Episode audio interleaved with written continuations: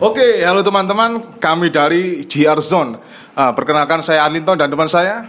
Gary, Oke, jadi di channel kita ini kita membahas tentang WWE ya kebetulan karena kita juga merupakan penggemar WWE mungkin biasa dibilang dari SD mungkin ya. Gitu ya dari kecil. Kalau saya dulu idola sih Jeff Hardy ya. Kalau Mas Gary siapa dulu saya dulu waktu kecil tuh suka dibully. waduh Soalnya ngefans sama Randy Orton. Waduh, kenapa bisa dibully itu kan keren gitu pembawaannya gitu. Mungkin The Viper apa mungkin karena sikapnya yang licik seperti itu? ya karena dulu teman-teman tuh sukanya yang kayak John Cena, Rey Mysterio, jadi yang baik-baik gitu. Kebetulan saya sukanya sama Orton tuh gara-gara finishernya. ya. Jadi saat di kelas tuh kayak dibully apa licik-licik gitu. Wah, ya memang The Viper ya. The Viper itu kan eh, karakter yang licik sekali. Dia pura-pura mungkin tag team dengan misalnya dulu sama Edge kalau nggak salah rated RKO, tapi ujung-ujungnya crash gitu. Kalau saya suka Jeff Hardy karena pembawaannya itu ekstrim dan unik gitu. Sama nggak mainstream juga kayak kamu gitu. Jadi dia itu karakternya ada. Itu kan sekarang kan WWE itu seharusnya memang menunjukkan karakter ya. Kalau kita mau ngobrol-ngobrol misalnya tentang pembahasan WWE sekarang dan dulu. Kalau dibandingkan dulu, misalnya sekarang itu bagaimana kira-kira perkembangan WWE itu? Apakah dulu kan masih itu ya, mungkin masih mudah diakses, misalnya masih di stasiun TV tertentu dan banyak anak-anak bisa ngakses sampai ditiru-tiru gerakannya sampai banyak sekali. Nah, ya foto-foto poster yang dijual bebas, Stiker, stiker. stiker-stiker. Wah, kalau kalau sekarang mungkin eh, gimana bedanya sama dulu? Apa penontonnya itu mungkin lebih apa lebih sekarang kan sepertinya anak-anak dewasa, anak-anak kecil jarang nonton apa WWE seperti zaman kita dulu itu. Kalau menurut gimana? Kalau menurut saya sih sekarang eh, WWE kan udah gak boleh ya ditayangin di Ya. Indonesia. Jadi kemungkinan besar menurut saya sih yang seumuran sama kita dulu yang suka nonton WWE mungkin aksesnya melalui YouTube. Mungkin eh, lihat yang highlight highlight yang berapa belas menit lah.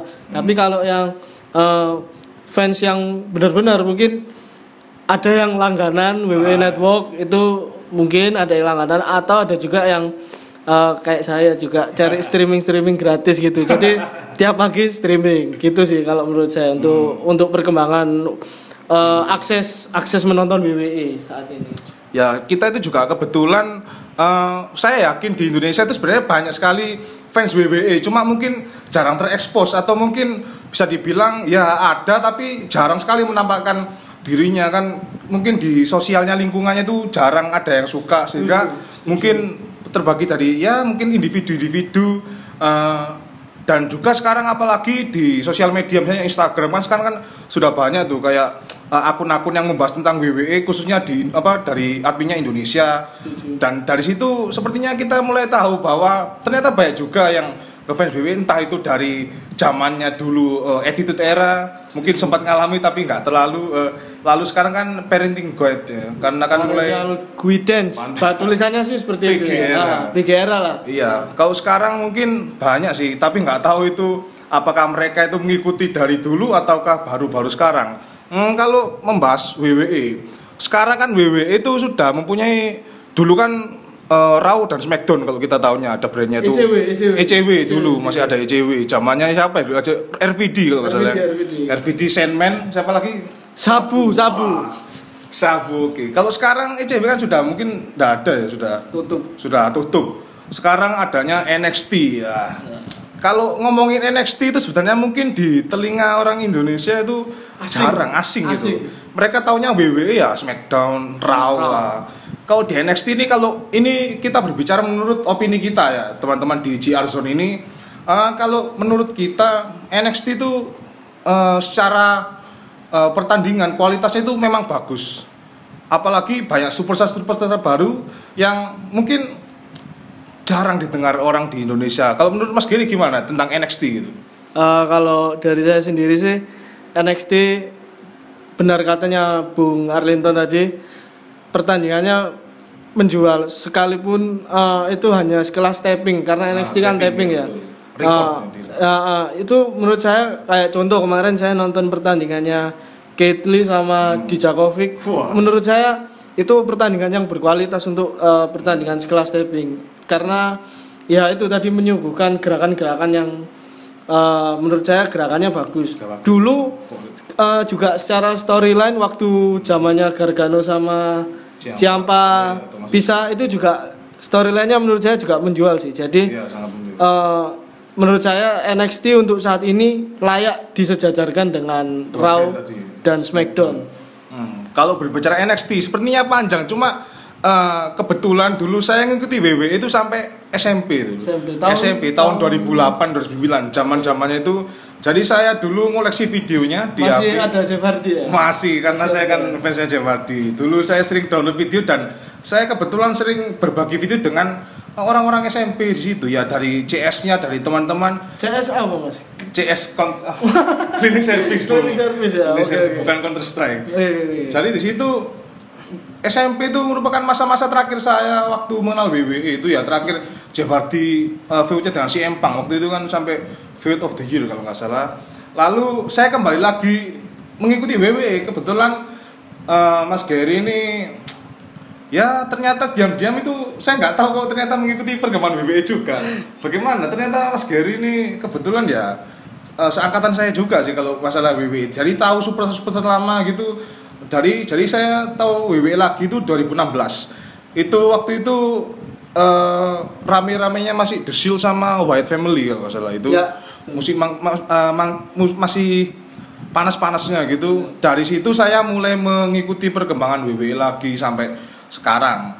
Kalau Mas Gary dulu apakah dari SD itu terus sampai perguruan tinggi ini ngikuti WWE terus atau sempat terhenti seperti saya vakum lah, vakum nggak ngikuti. Eh, kalau saya sendiri sih sebenarnya dari SD itu sempat vakum waktu masuk SMP ya cuma ya kayak anak-anak warnet di kampung itu yang nontonnya WWE dot raw dot apa seperti itu. Terus lihat di YouTube yang cuma beberapa menit.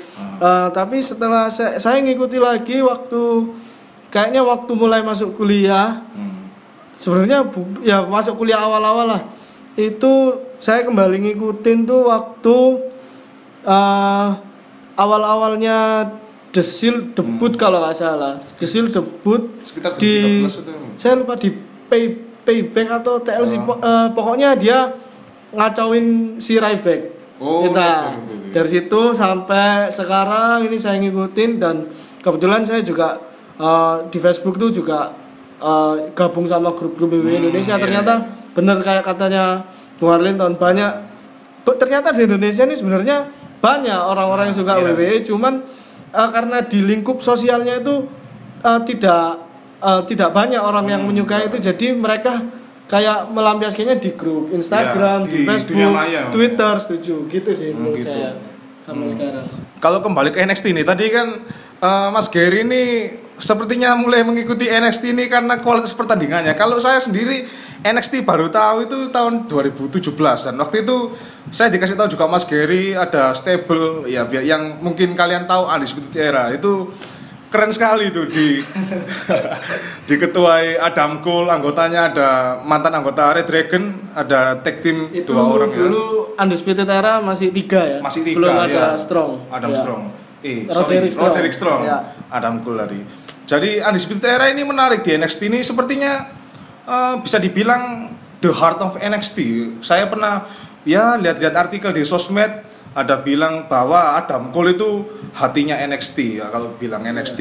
Ya kalau NXT sekarang mungkin eh, kan yang bertanggung jawab atau yang mungkin memegang lah istilahnya kan Triple X gitu ya Benar. dan eh, McMahon, Vince McMahon ini eh, mempunyai keinginan atau ya cita-citanya atau keinginannya gitu. Jadi setiap kali ada NXT superstar yang lagi hot-hotnya, lagi panas-panasnya diambil ke Ke roster. roster di main roster ke Raw dan SmackDown. Bagaimana menurut Mas Gary tentang kebijakannya Vince McMahon ini kalau menurut Mas Gary ini? Eh, sebenarnya sih kalau untuk kebijakan dari si Vince sebenarnya saya apa kurang setuju ya tapi apa pun itu terlepas itu itu haknya Vince McMahon betul. dia yang WWE chairman-nya jadi dia bisa melakukan apa pun tapi menurut saya eh, sayang sekali seperti superstar superstar sekelas Budalas, Wah, The Ascension, Waduh. kemudian eh, yang beberapa ber- beberapa baru ini akhirnya dikasih Raw Tag Team Champion Revival Iya, itu kan Revival. sempat jadi ya apa Enchanted Talent ya yang Iya, dibuat kala-kala gitu sih. Iya, Jadi untuk kebijakan itu sendiri saya rasa Triple H juga nggak bisa nolak kemauannya Iya. McMahon. Kalau menurut Mas Arinton sendiri gimana? Kalau saya sih sebenarnya juga disayangkan ya. Kalau menurut saya mungkin lebih baik mereka itu ditempatkan di NXT dan brand NXT ini dibesarkan, dipush seperti brand Raw dan SmackDown Live gitu. Karena sepertinya NXT ini hanya meninggal eh, hanya menunggu waktu untuk eh, bisa seperti Raw dan SmackDown Live hanya saja di sini bedanya NXT kan mungkin lebih mengutamakan kualitas pertandingan daripada karakter dari apa superstar itu sendiri Ini dan opini kami ya? Ini opini Sekali kami. lagi ini opini kami bukan kami bukan bermaksud uh, menggurui atau menyebarkan fakta atau apa tapi ini merupakan opini kami sebagai ya kami kan juga Fans-fans lah. fans fans WWE penggemar WWE meskipun nggak dibilang hardcore fans seperti yang di luar sana yang militan Setuju. terhadap superstarnya Oke. Nah, jadi gitu ya. Kalau eh, sekarang saya mau membahas tentang brand-brand SmackDown. Yang pertama SmackDown Live. SmackDown Live ini sepertinya sangat icon sekali ya di WWE karena kalau kita tanya teman kita orang yang ya mungkin orang awam kita Awam. tanya WWE itu mesti mungkin agak jarang tahunya kan SmackDown, SmackDown. Nah, setuju, setuju. padahal kan SmackDown ini brand, sebuah brand yang eh, dulu pernah siapa yang di oleh di apa ya namanya dikelola sama itu ya Eh, siapa saya lupa Siap, anu, siapa Shane? McMahon waktu Shane itu. McMahon. Bukan Sempat, sih oh, dulu bukan. itu si siapa sih yang botak yang hitam Teddy itu? Long. Teddy Long. Oh, Teddy Long. Jadi GM GM-an Oh, iya, gitu iya. gitulah. Saya ingat itu Ah, zaman Teddy zaman Long, John Laura Natis itu. oh nah, tuh. Mas Gary ini sepertinya lebih kenal WWE Enggak, lebih jadi lama jadi eh, kalau Smackdown sih ya kayak katanya Bung Ariton Nah. orang-orang awam sih eh, kayak kita baru ketemu saya kan sering posting di Instagram di Hmm. Iya. story itu kan kayak WWE gitu eh, orang-orang atau teman-teman saya yang deket loh Rey Mysterio masih ada gak? Gitu. Wah. Undertaker masih main gak? Iya, gitu iya. jadi saya mau jelasin tuh kalau kan saya nggak mungkin jelasin ke orang awam oh Rey Mysterio itu main tapi kontraknya sekian sekian, Wah, sekian. iya. Jadi-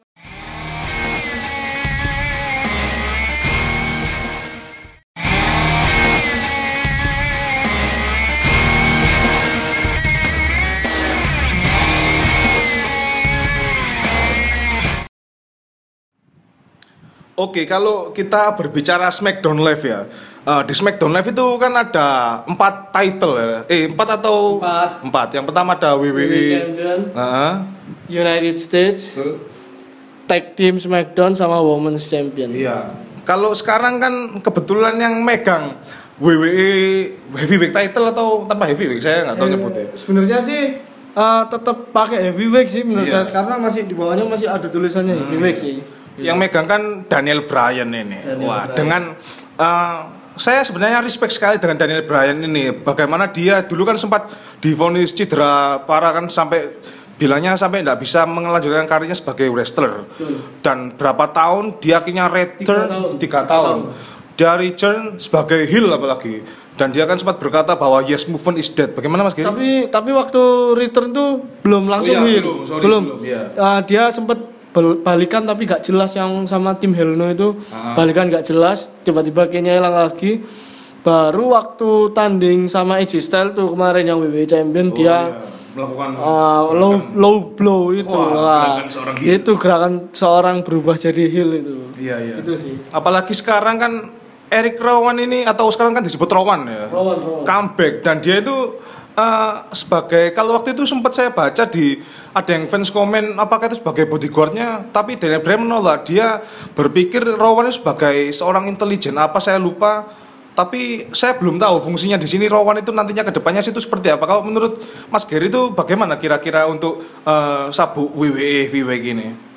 Eh, kalau untuk gelarnya ya Iya, sekarang ini kan yang me- mengejutkan kan tiba-tiba kopi oh iya kopi betul. ditarik. Dipus ditarik jadi ganti Owens ya. Ya Eh, tapi terlepas apa pun spoiler di luar sana yang bertebaran ini pendapat saya. Iya betul kalau pendapat saya. Pendapat pendapat saya sih eh, saya sebenarnya lebih respect ke Kofi ya Eh, kalau saya sih pinginnya gelarnya itu di Fastlane besok khusus Kofi jadi sebenarnya Owens tuh disimpan dulu aja Iya. setelah Fastlane gelarnya itu disimpan ke Kofi kasihlah dem eh, dua atau tiga minggu lah kasihin Ya. ke Kofi nanti eh, dilepas Randy. di iya bisa dilepas lawan Bintang Brian tangan. lagi atau lawan Owens jadi menurut saya sih ke Kofi itu bukan karena lagi hype hype nya ya Hmm. tapi kalau menurut saya sih karena untuk menghargai jasa Kofi yang udah berapa sih? 11 atau 12 tahun Ya, lah. sekitar belasan tahun ya mungkin. kalau menurut saya sih seperti itu WWE Champion. Nggak tahu kalau pendapatnya Bung anu ya. Kalau menurut saya di WWE World Heavyweight Champion ini eh, saya lebih setuju waktu dulu kan awalnya mungkin saya sebagai penggemar Jeff Hardy ya. Saya berharapnya ini Jeff Hardy diberi kesempatan lah paling nggak satu kali lah untuk eh, memenangkan World Heavyweight Title ini ya paling enggak ya betul kata Mas Gary mungkin satu bulan atau beberapa minggu cukup. Namun eh, beberapa hari lalu terkejut saya ternyata Matt Hardy comeback. Ya, return. sebenarnya ini ke depannya ini saya masih bingung. Menurut saya ini sepertinya mereka berdua ini akan dipasangkan dan mungkin mungkin akan memenangkan Smackdown title tag team. title. Bagaimana Mas Mas Gary? Eh, kalau saya sih belum belum bisa mereka-reka ya. soalnya karena kemarin Matt Hardy comebacknya juga karena mainnya di hometown Ya, North Carolina. Carolina, ya. Eh, saya belum tahu itu apakah Hardy res, eh, Matt Hardy ini resmi di SmackDown Live lagi atau hanya untuk satu kali penampilan karena mainnya di hometown jadi saya belum tahu. Tapi kalau untuk gelar tag teamnya kan sekarang sih Usos. Kalau menurut saya sih Usos tuh apa ya bagus mainnya Bagus, cuma ya. udah terlalu sering di jing- uh, di usianya yang masih, berapa sih? Ti- 31. ya masih muda lah. Dia udah enam kali tag team loh. Hmm, tiga kali lagi atau empat kali lagi bisa nyaingin si siapa? Jeff sama Dud itu Dudley Boy sama Iya, Hardy ingin Jeff Hardy Boy dulu sebenarnya. nah kalau menurut saya sih bisa lah uh, di gelar tag team Smackdown ini ditempatkan kayak yang Good Brother, Ah, iya. Sanity itu boleh lah dicoba. Kalau menurut saya sih seperti itu untuk saat ini. Berarti sekarang kita nyambungnya ke Smackdown tag team title ini ya. Kalau tadi oke lah. Heavyweight ya. Iya, kalau heavyweight tadi memang kalau menurut saya sih memang matchnya tiga rooster atau tiga superstar ini eh, patut ditunggu antara The New Daniel Bryan, eh, Kofi Kingston dan juga Kevin. Kevin Owens yang return dengan eh, karakter face sepertinya ini ya. Sepertinya Sepertinya face dengan sepertinya. penampilan tato baru. Wah, tato barnya terlihat lebih Betul. parah mungkin. Sekarang tadi kalau seperti Mas Gary tadi sempat bilang untuk ke pembahasan di Smackdown Live eh Smackdown Title Tag Team ini ya. Tag team. Tag Team Title sorry. Ini The Usos memang iya. Kalau saya menurut saya itu saya lebih prefer ke Sanity ya. Karena dulu saya sebenarnya sempat suka dengan uh, Sanity. stable ini iya karena terlihat mungkin badass juga badass Uh, ada Eric Young, Alexander Wolf dan siapa. Pilihan Dane. Dengan Eric Young kan sudah juga merupakan senior itu dari Senior, TNI, dari Impact Wrestling dulu. Uh, mungkin bisa Smackdown tag team title ini diperebutkan ya tadi antara Good Brothers yang mungkin sudah lama juga uh, ada di WWE, ada benar. The Colon bagaimana The Colon ini? Saya kalau di kolon skip lah. Itu memang sepertinya aku kehabisan cerita kreatifnya buat di kolon Iya, mungkin sih. mungkin. Gitu. Apalagi sekarang eh, juga kan kan itu sih menjelang WrestleMania ini eh, di SmackDown juga ada debut-debutnya seperti empat superstar ternama ya kalau mungkin saya bilang dari NXT. Apalagi yang lalu sempat tag team itu apa eh, Ricochet dengan Aleister Black. Bagaimana itu menurut Mas Gary? Dia melawan eh, nggak jadi kalau salah. ya?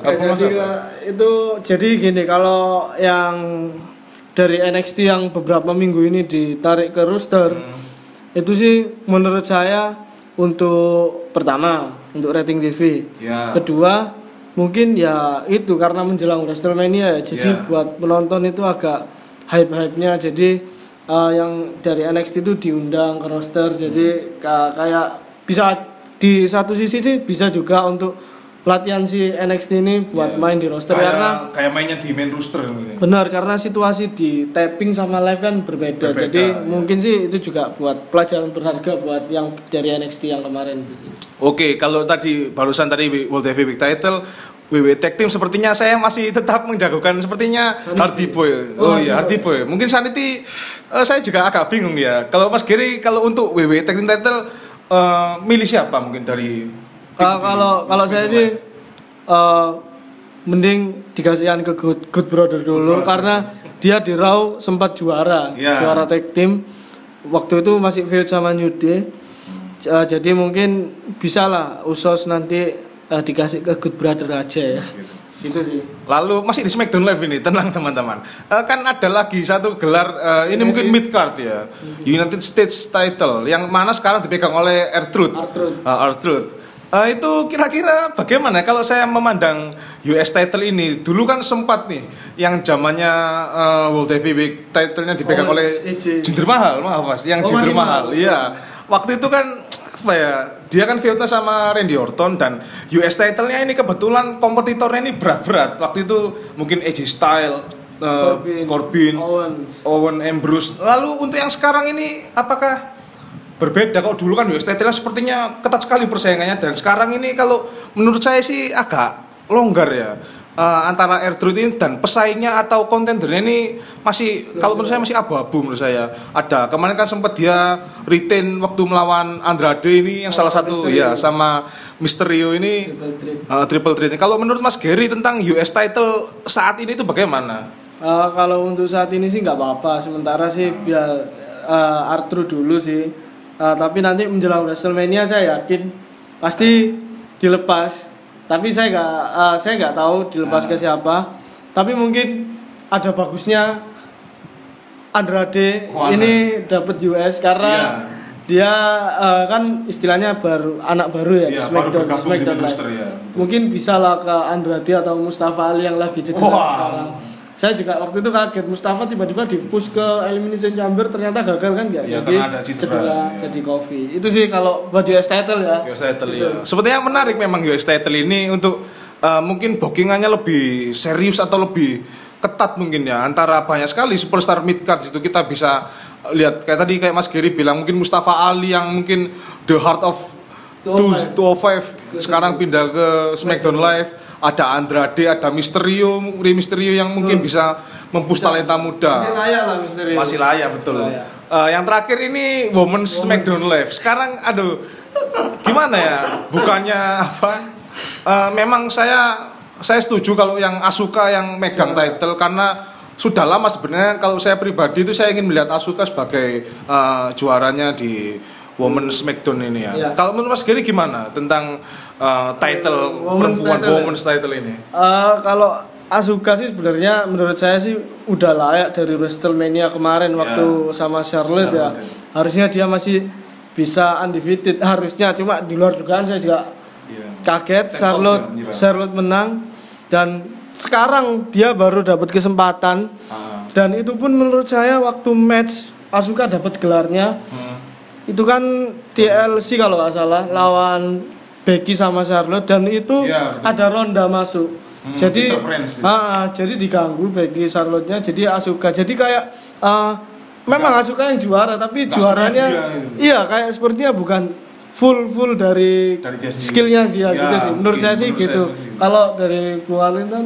Eh, kalau saya sih ya setuju aja, cuma sekarang kontendernya sih. Kalau saya ngomong kontendernya sekarang kan nanti di Fastlane ini melawan Mandy Rose. Di. Nah, menurut Mas Giri, apakah eh, Anda setuju Mandy Rose ini yang menceleng Asuka atau ada nama lain mungkin? Eh, kalau challenge sih ini berat ya sebenarnya karena di SmackDown Live juga eh, kemampuan dari Carmella Ah, itu Carmella. juga men- menurut saya skillnya mulai meningkat terus si Naomi tapi Iya. Naomi tahun lalu menurut saya sih juga eh, udah overpush ya Iya, tahun lumayan. lalu sih Tahun tapi kalau sekarang kan lain cerita Iya. kalau saya sih pengennya kontendernya antara Carmella atau eh, Charlotte Sosial. Charlotte. Bukan Kenapa? Charlotte. Karena maksudnya itu biar woman seraunya ini fokus Becky sama Ronda, tapi Ya. itulah saya belum nggak tahu ya. nggak tahu jalan pikirnya kreatif atau Iya, iya. McMahon kenapa Charlotte malah dikasih ke triple threat itu rencananya sih gitu. Kalau Warren kan mungkin lain pendapat.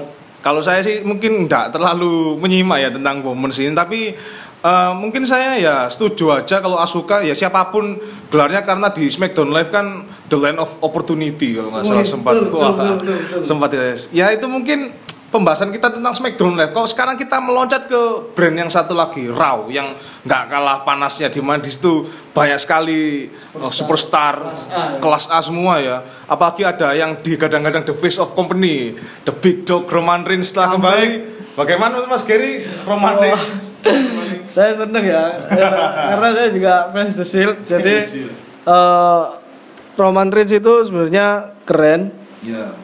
Eh, terlepas banyak banyak bunya, Wah iya. tapi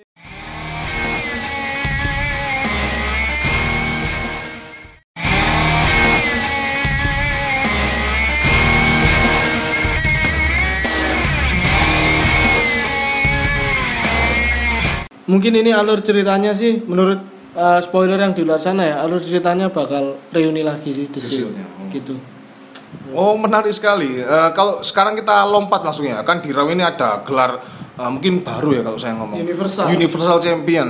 Apalagi Satu sekarang yang sekarang yang megang Brock Lesnar, yang mungkin kontraknya eksklusif kan dia. eksklusif lazy part timer jarang nampak mungkin ya. Bagaimana menurut Mas Gary? Apakah sosok Brock Lesnar ini eh, menurut Mas Gary itu cocok sebagai Universal Champion atau ada nama lain? Misalnya kan ada Drew, Drew McIntyre yang comeback yang terlihat semakin dewasa atau Bobby Lashley yang kembali ke WWE dengan lebih garang Karakter maksudnya. heel ya. karakternya heelnya sangat kuat atau Seth Rollins yang mungkin ini sepertinya di WrestleMania ini kan fix ya Fix. sudah menantang Brock Lesnar. Bagaimana komentar Mas? tapi Gary? apa pun bisa berubah Wah iya ini Ah, bahaya. tapi nih. kalau menurut saya sih tentang Universal eh, Lesnar masih menjual Ya. sekalipun dia jarang tampil Menjual match, tiketnya ya? secara match dia masih menjual bikin Masih. orang penasaran Iya. dan lawannya udah fix rolling ini bakal jadi pertandingan atau match yang menarik untuk Di- kita di- tunggu di oke. WrestleMania itu sih kalau menurut saya kalau ada tanggapan lain Kalau saya menurut saya sepertinya ini waktunya Seth Rollins untuk mengangkat Universal Champion dan menjadikan gelar ini mungkin lebih relevan lagi ya kalau menurut saya. Benar. Eh, selanjutnya ada Intercontinental Champion di mana ini juga sepertinya berkelas semua kalau saya ngomong ini. Iya sudah dia Bapak Mas Kelly sudah too sweet. Sekarang kan championnya Finn Balor, Finn Balor. Ah, tapi, Bagaimana Mas Kelly? ah, kemarin sih Balor juaranya nggak pakai demon ya, baru Hmm, ini iya. Tanpa ah, keren tanpa demon. tanpa demon, tapi dia handicap match ngepinnya si Leo Rush.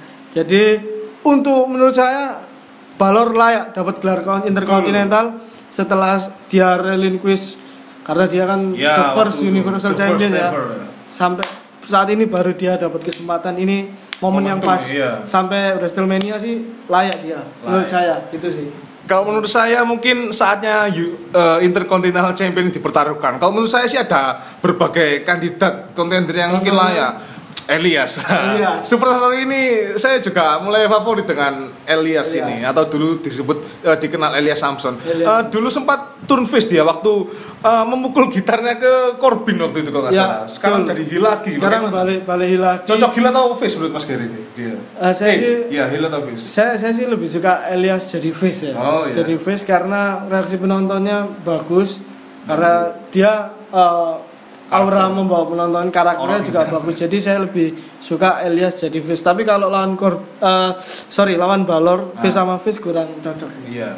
Eh, kalau Intercontinental Champion ya saya juga setuju kalau tadi Balor menang. Eh, untuk ke depannya mungkin saya sih berharapnya Elias atau siapa ya mungkin ada Drew McIntyre ya mungkin boleh lah dimasukkan ke Intercontinental dan Ambrose ya saya masih Belum bingung jelas ya. dengan eh, Statusnya. statusnya sekarang di WWE. Sebenarnya itu menarik itu mungkin eh, dalam cakupan beritanya The Shield tadi mungkin ada Kesempatan. kesempatan di situ ya. Eh, lalu langsung saja kita melompat ke Tag team, tag team, Raw tag team ini. Sekarang kan Revival. The Revival, The Top Guys, Scott Dawson dan Wilder. Des Wilder. Bagaimana menurut Mas Gary? Apakah mereka ini layak untuk menjadi champion di Raw tag team ini?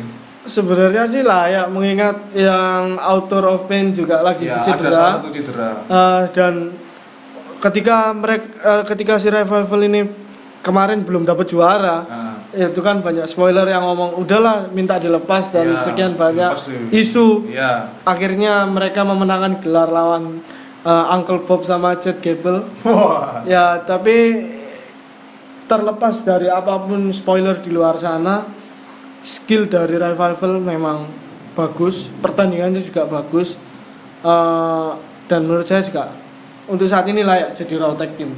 Iya, kalau melihat eh, pesaingnya mungkin menurut saya tidak eh, setangguh ya mungkin member ya apa kalau di Smackdown Live kan banyak sekali tuh tag team tag, eh, tim tim luar biasa di Raw ya mungkin Authors of Pain atau Glorious Gable ya mungkin bisa lah Luca, luca. Wah House Party ini saya em, menurut saya sih bisa kalau mungkin karakternya dibuat lebih apa lebih heal lebih mungkin ya. Kalau Luffy kan sepertinya ceria gitu saya lihatnya. Dulu kan sempat feud a- atau matchnya mesti berulang lawan Revival Ya, ini dan selalu dimenangkan.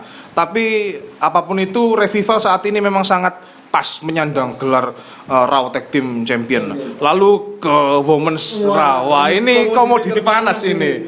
Apalagi semenjak kedatangan Ronda Rousey ya ke WWE, ini Women divisinya ini sangat uh, bersaing ketat sekali untuk gelar ini. Bagaimana Mas Giri? Eh, kalau sekarang Rossi memang layak karena menurut saya sih eh, terlepas dia dari backgroundnya MMA Iya. dia sepertinya berkembang. Hmm. gerakannya move-nya. ya benar. Hmm. apa itu mungkin dari bantuan eh, Natalia atau Kurt Angel? Ya, peran mungkin besar itu sini. membantu dan untuk gelar Women's Raw ini Raw Women's Champion ini Nah, kan harusnya lawan Becky. Iya, tapi ya betul. itu saya agak kecewa dan campur tangan dari Charlotte itu. Ah, itu saya saya kecewa ya. Sebenarnya saya menunggu pertandingan Becky sama Ronda sini Oke, berikut tadi kita sudah banyak membahas ya mengenai pandangan kita tentang WWE, tentang perbandingan antara WWE yang sekarang dengan yang dulu dan eh, kenapa sih kita itu ngefans dengan WWE? Intinya ini semua itu cuma opini kita ya, betul ya ya? betul Kalian boleh setuju dengan opini kita atau enggak kan bebas itu kan pendapat orang macam-macam dan singkat kata eh, see you guys untuk next time pasti kita akan eh, membahas yang lebih banyak lagi dengan opini-opini kita yang mungkin lebih beragam lagi. Jadi tetap stay tune di GR Zone. Thank you